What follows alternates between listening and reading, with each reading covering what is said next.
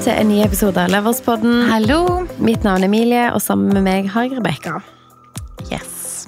I går Rebecca, så diskuterte Håvard og meg noe som jeg hadde sett på TikTok. Yes. Um, på min TikTok-feed så får jeg opp mye på uh, temaene gründer, um, oppstartsselskaper, startups. Ting som vi interesserer oss for. Ja, Uh, og i går fikk jeg opp um, en person som sa det at uh, de hadde kjent lenge på at de følte at ideen de måtte ha for å starte en bedrift, måtte være så vanvittig unik. Ja. At med mindre de liksom fant opp den nye Apple eller Google eller Uber eller Airbnb, så, så var det ikke vits å være gründer.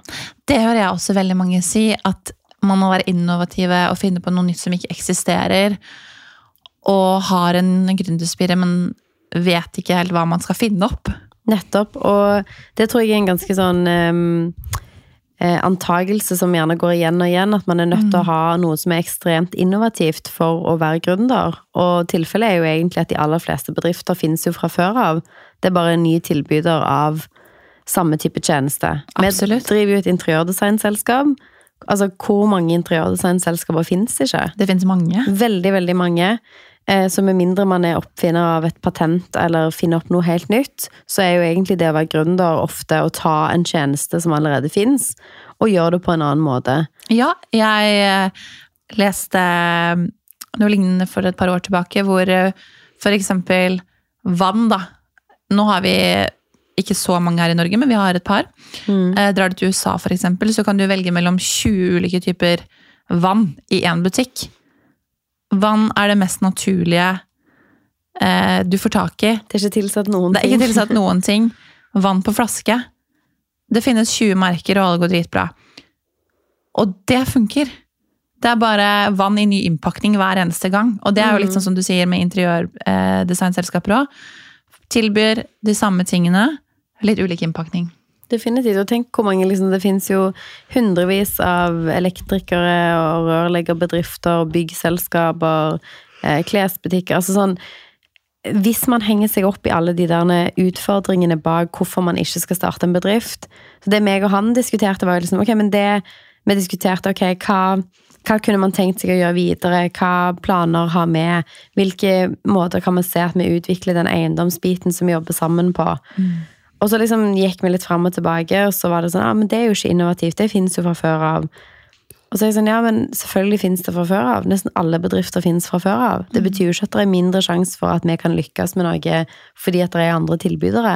Sånn er det jo for meg og deg òg, at um, det finnes jo andre selskaper i Oslo som driver med lignende prosjekter som vi gjør. Men vi får jo fremdeles kunder, og vi får jo fremdeles levert gode prosjekter fordi at man har sin egen ingrediens inn i det. Man bringer noe, enten om det er personlighetsmessig, eller om det er innfallsvinkel, design, estetikk, alle disse tingene. Sånn at det er en av de barrierene jeg tror veldig mange folk har for å drive noe for seg sjøl, at de er så opphengt i den tanken om at ja, men det der er jo ikke innovativt. Ja. Altså Er du en person som for jobber som konsulent, eller du driver med kommunikasjon, eller du rådfører rundt strategi Det fins en million consultingselskaper. Det betyr ikke at det at du skiller deg ut fra bedriften du jobber i, og begynner et eget selskap hvor du tilbyr de tjenestene, at det ikke kan gå bra. Nei, absolutt ikke. Det er jo Ta mat, for eksempel. Da. Eh, mat var en næringskilde før. Det, det, man, måte det som var viktig, var at man ikke var sulten. At man trengte mat for å, for å overleve. Og så har man jo utvikla seg over tid. Og så ble mat en trendy ting. Man begynte å lage restauranter, så kunne man gå ut og spise.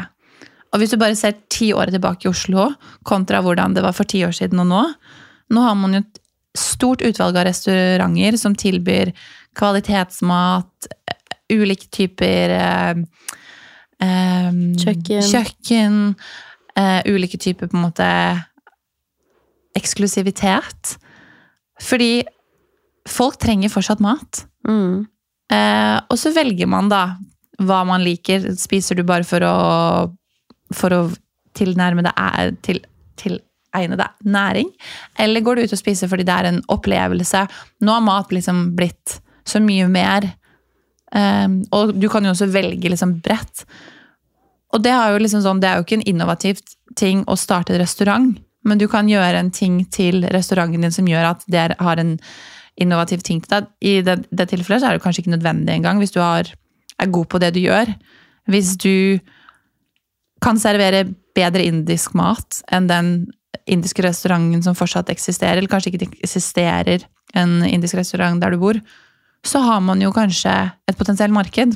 Mm. Så man må jo tenke litt sånn eh, Hva finnes? Hva, hva kan jeg gjøre for å gjøre det bedre, eller sette mitt eget preg på det? Altså, jeg tror det er superviktig å bare liksom sånn eh, pakke opp litt de der ideene man har om hvorfor man ikke kan starte. Altså, det tror jeg er en av de største barrierene for at folk tenker sånn Nei, men det kommer ikke til å gå fordi at jeg har ikke den neste ideen for Airbnb, eller hva enn det er. Veldig mange av de aller mest kjente selskapene vi har i dag, driver jo med noe som veldig mange andre òg driver med. Ja. Så handler det mye om liksom innpakningen, eller liksom hvordan tilnærming man har til å starte innenfor akkurat den bransjen, da. Ja, og jeg tenker jo at kanskje det aller beste for mange er hvis du jobber et sted allerede, eh, og så er det en ting som ikke opp, funker optimalt, da, eller som du tenker at du kan gjøre bedre. Si at du driver med transport. Eh, og nå finnes det jo veldig mye tekniske systemer. og Si, fra, si at du jobber i et transportselskap som har eh, eksistert lenge, og de gjør ting på gamlemåten. Eh, hvis du da ser at ok, hvis vi hadde gjort mye av denne logistikken og planlagt eh, via et software-system, så ville vi spart tiden så mye. Og da kan man jo enten velge å gå ut og starte noe eget for å på en måte eh, bli en bedre tilbyder enn det som eksisterer. Eller du kan kanskje skape det software- software-systemet som man trenger eh, for at den bedriften skal bli bedre, da. Og det er jo innovasjon. Og da har man jo en innovativ løsning. For jeg tror da har man en viss innsikt. Jeg tror Hvis man kommer rett ut av skolebenken og tenker at ok, nå skal jeg finne opp hjulet eh, Det er lettere å komme på ting når du kan kartlegge et behov. Mm. Når du vet at ok, her i dette transportsystemet så har vi ikke et eh, CRM-system som funker, så jeg lager det. Mm. Eh, og du trenger ikke å lage det selv, men da kan du skape den ideen, få med deg folk, altså sånn, utvikle et produkt fordi det trengs. Og det er jo en ting hvis man eh, skal være, komme på noe, at se hvor det er behov for ting. Da. Hva er det i ditt liv som ikke funker? Hva er det på arbeidsplassen som ikke funker? Hva er det på skolen som ikke funker? Driver du med en spesiell idrett? Det er, vel, det er ofte sånn innovative ting kommer, eh, kommer i gang. Da. At liksom, ok, nå spiller man golf, og så er det en som lager en golfkølle som er lettere, har en annen vinkel, som gjør at man eh, presiserer den bedre. Og kanskje det er du som kommer opp med den ideen. Eller kanskje du bare starter et selskap som leverer akkurat det samme som veldig mange andre gjør, men du har en annen innpakning, du har en annen approach, du har bedre kundeservice, du har på en måte en annen tilnærming til å levere det produktet eller den tjenesten. Og det tror jeg er like viktig som at man har entreprenører som finner opp nye eh, deler av en bransje. At begge de to kan på en måte være sammen om det. En av de tingene som jeg hørte mye når jeg jobba um, og mange av de tingene som jeg, sannhetene som jeg også sa til meg sjøl, var jo at jeg var bare sånn Ok, men nå har jeg studert. Nå skal jeg jobbe i hvert fall ti år. Ja. Fordi at det er etter ti år at jeg har nok Erfaring. pondus og erfaring til å kunne gjøre disse tingene sjøl. Og eh, det er nok mange tilfeller hvor det sikkert er sant. Men òg veldig mange tilfeller hvor det er en av de andre tingene man gjerne forteller seg sjøl for å på en måte liksom avvente med og eventuelt starte noe. Ja, men sånn, nei, nei, nei, jeg kan ikke gjøre det nå, fordi jeg har bare jobbet med dette i et år. Eller jeg har bare vært partner i to år, så jeg har ikke nok kunder, jeg har ikke nok sånn og sånn, jeg har ikke nok. Um, så det venter jeg med. Mm. Um, og jeg tror at det er noen av de tingene som virkelig holder, holder deg der du er. Det vi diskuterte, var liksom ok, hvordan kan vi gjøre mer ting raskere? Hvordan kan man liksom Vi snakker om utleie av leiligheter eller oppussing av leiligheter. Hvis vi hadde vært i et mindset hvor eh, vi skulle fortsette å gjort alt sjøl, for eksempel sånn som med oppussingen tidligere, så har jo Håvard gjort ekstremt mye av det arbeidet sjøl, i tillegg til å ha en krevende eh, fulltidsjobb. Ja. Og da snakket vi om at liksom, ok, hvis du skal gjøre det hver gang vi pusser opp, så klarer vi jo maks å gjøre én leilighet, kanskje to, i løpet av et år, men da er du helt utslitt på slutten av det året. Mm. Um, hvordan kan vi rigge oss for at vi kan gjøre mer, uten at det går på bekostning av at det betyr mer fysisk arbeid for han? For Ja. det er ikke bærekraftig å utvikle til at vi sier vi skulle gjort fem eller seks leiligheter i løpet av et år. Mm. Det hadde jo vært umulig for én person å få til de tingene. Hvordan kan man liksom rigge oss for en måte at vi eh, tar høyde for at man skal få inn fagfolk og få inn team til å gjøre mye av det han kanskje kunne gjort sjøl, Mm. men han hadde gjort det én gang sjøl, kanskje to i løpet av et år, men han kunne ikke gjort det ti ganger. Og sånn tror jeg det er lurt å tenke på liksom, når man bygger en bedrift, og sånn tenker vi mye på òg. Hvilke ting er det som ja, vi kan gjøre sjøl, men som vi ikke ender opp med å gjøre sjøl? For eksempel, vi kan gjøre regnskap, velge å ikke gjøre det. Mm. Vi kan gjøre eh, mye av økonomistøring, velge å ta det ut. Ja. Vi kan gjøre mye av veldig mange forskjellige ting. Sånn at det òg tror jeg er en av de barrierene kanskje som går igjen, at sånn man tenker ok, jeg må være superinnovativ, og hvis ikke jeg er innovativ, så klarer jeg ikke å starte en bedrift. Eller jeg er nødt til å kunne gjøre alle tingene sjøl fordi jeg er en oppstartsbedrift, og jeg har ikke råd til å betale ting ut. Men kanskje man egentlig ikke har råd til å betale til å gjøre alt sjøl. Mm. Det koster jo sykt mye penger, det. Absolutt. Det koster veldig mye penger for deg å for gjøre alle sosiale mediepostene til alle bedriftene. Fordi at det er tid du ikke kan bruke på å hente inn en kunde, selge et prosjekt, Gjøre noe annet. gjøre noe annet. Så det er òg en sånn ting som holder seg i liksom sånn det at man holder seg til det man på en måte Det nivået man allerede er på. At ok, men da kan du ivareta at man kan gjøre et prosjekt i året, og kanskje det er det man har lyst til. Absolutt. Um, når det er snakk om oppussing, så er det jo mange som har det som en sideinntekt eh, resten av livet ved siden av jobb, og som gjør kanskje ett prosjekt hvert femte år, og så tjener de en halv million eller en million på det, og så er det gøy. Og så sparer de opp til å gjøre det en gang til, både energimessig og tid og alle de tingene. Hvis man vil at det skal bli bedriften sin, og der tror jeg mange som aldri går fra eksempel å være et enkeltmannsforetak til å bli et AS, de er stuck i en sånn loop hvor de gjør absolutt alt sjøl. De er kundeansvarlig, markedsføringsansvarlig, salgsansvarlig, regnskapsfører, eh, daglig leder. De, de er alle de tingene. Og da vil de på en måte aldri på et tidspunkt klare å liksom gå ett steg opp, fordi at de er hele tiden så sugd inn i det de er nødt til å gjøre. Og for min egen personlige liksom sånn, plan på spesielt dette med eiendom, da, så er det jo sånn at jo mer man legger til rette for at man kan drive disse tingene uten at det nødvendigvis påvirker min arbeidshverdag som gründer, eller Håvards arbeidshverdag i hans jobb, Mm. jo bedre er det, for da kan man gjøre mer av det. Eller man kan gjøre flere prosjekter på en kortere tid. Absolutt. Um, og det er jo en av de tingene som Nå snakker vi litt om barrierer. Barrierer til det å liksom sånn enten starte en bedrift eller utvikle en bedrift. Og der er det jo veldig mange av de tingene som er på en måte hvor man rigger seg for en spesiell måte å drive bedriften sin på, eller at man avventer med å starte bedrift i utgangspunktet fordi at man tenker har ikke nok erfaring, eller jeg har ikke en original nok idé, eller jeg har ikke muligheten til å gjøre alle disse tingene sjøl. Og så er egentlig sannheten at du trenger ikke å være original i ideen du har, du trenger å tilby noe som man har utgangspunktet for å kunne tilby, om det er interiørdesign sånn som jeg gjør, eller consulting, business, eh, strategi, hva enn det skulle være, rådgivning, regnskap Det fins tusen andre som leverer det.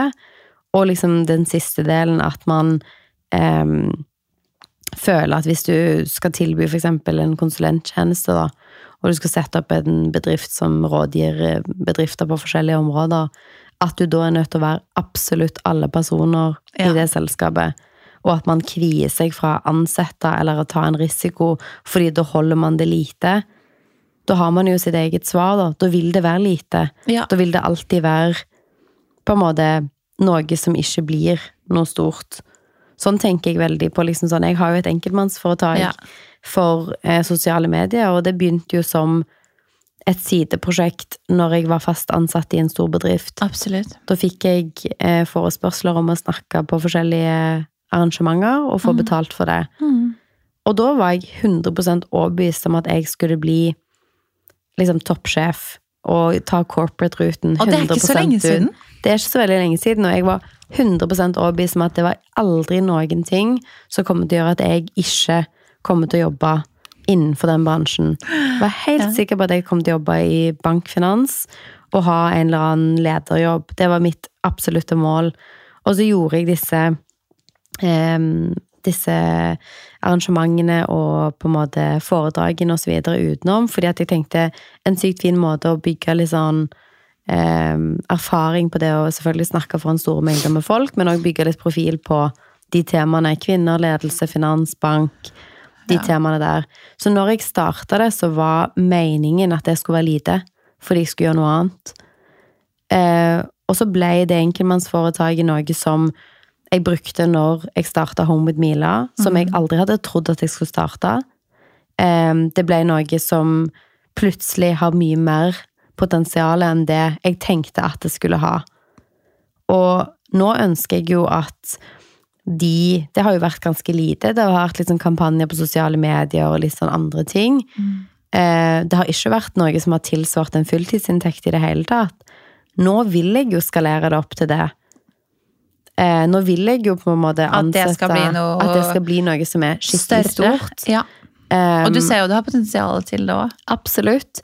Og da er det sånn, ok, hadde det hatt muligheten til å ha det hvis jeg ikke hadde hatt eh, eksempel management, eller noen som jobber spesifikt rettet mot salg, avtaler, For det, liksom. eh, regnskap, alle disse andre tingene, da Ja. hadde det nok òg blitt veldig lite. ja.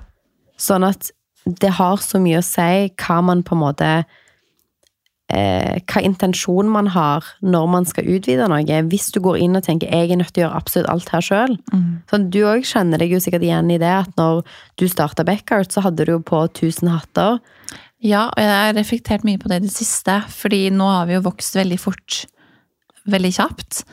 Eh, og så har jeg hele tiden tenkt på hvordan denne prosessen har vært. At man har gått inn og aktivt tatt risiko, men med intensjonen om å på en måte få det til å bli noe større. Eh, jeg tror jeg aldri har hatt noen begrensninger på hvor det kan gå, eller hvor det skal være. Men at det skulle bli så stort så fort, det hadde jeg nok ikke sett på meg, sånn som du sa. At ok, nå har jeg nok rigga meg for den posisjonen her, så jeg har en fast jobb i god tid, og kanskje en til. Um, men jeg hadde jo aldri kunnet komme dit vi er i dag sammen. Eller vi hadde ikke kunnet komme dit hadde man ikke kjørt eh, regnskapsførertjenester, outsourca en del av de tingene for at jeg skulle på en måte bruke min eh, kompetanse best mulig da, inn i bedriften. Og det er jo sånn, du har jo på en måte bygd en veldig sånn imponerende bedrift, og du har jo òg skifta hele tiden. At i begynnelsen så var det sånn ok, dette er meg, dette er kanskje en person til. Vil ikke kjøpe kontor, vil ikke liksom alle disse tingene fordi at vi må holde kostnadene nede, for de skal Ja. være sånn og sånn. Og så har jo du òg hele tiden da utvida med sånn Ok, nå har vi fått den type kunder. Ok, men da må vi gjøre sånn. Da må vi ha en prosjektleder til. Da må vi ha lager. Da må vi ha kontor. Da må vi ha varebil. Da må man ha alle disse tingene. Og så har du liksom rigga deg til for at vi skal kunne vokse Absolutt. på den måten. For du kunne jo òg tviholdt På det. på det som det var, og tenkt nei, men det er fint det at Beckart omsetter for 2,5 millioner i året og har sånne og sånne kostnader, og så sitter jeg igjen med litt grann av det, Ja, og så jeg, holder man det på det. jeg tror eh, det som har gjort at jeg har tatt de valgene, er jo fordi man kommer til et punkt hvor jeg ser at eh, bedriften tar meg igjen. At eh, for å kunne ta alle jobbene jeg har faktisk lyst på, så er dette grep som må til da, for å bli større. Og der er det jo sikkert noen som kanskje ville vært sånn, vet du hva, jeg er fornøyd med å ha fem kunder i året og levere på disse prosjektene. Men for meg så var det da kan noen andre komme inn og ta Eller hvor skal de gå da? Jeg vil jo ikke risikere å miste potensiell jobb heller. Nei, nei.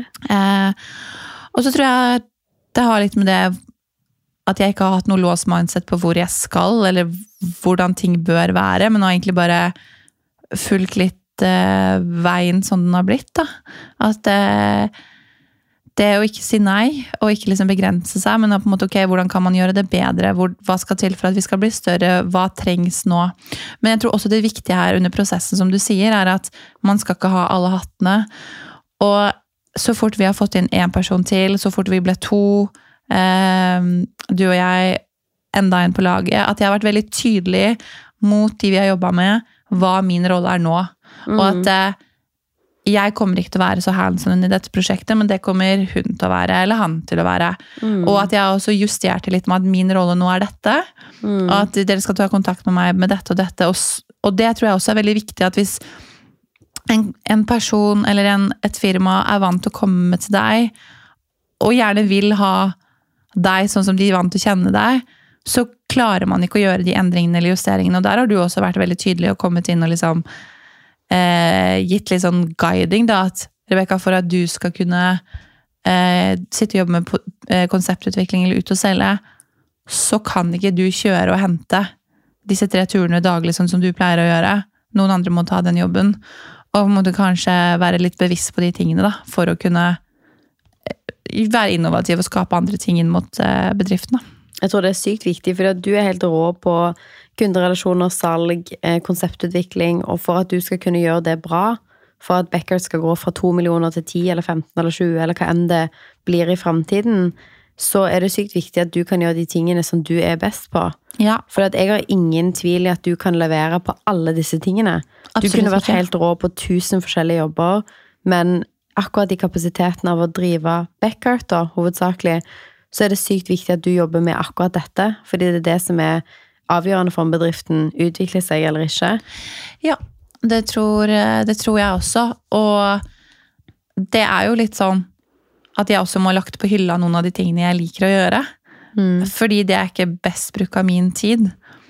Eh, og innimellom så gjør jeg jo disse tingene som kanskje Jeg vil jo ikke si er feil bruk av min tid, for det er nok viktig å være involvert, men at du må, du må legge bort noen ting som er vanskelig, du må legge bort noen ting som er gøy, og så må du på en måte velge litt hvor ditt fokusområde er, da.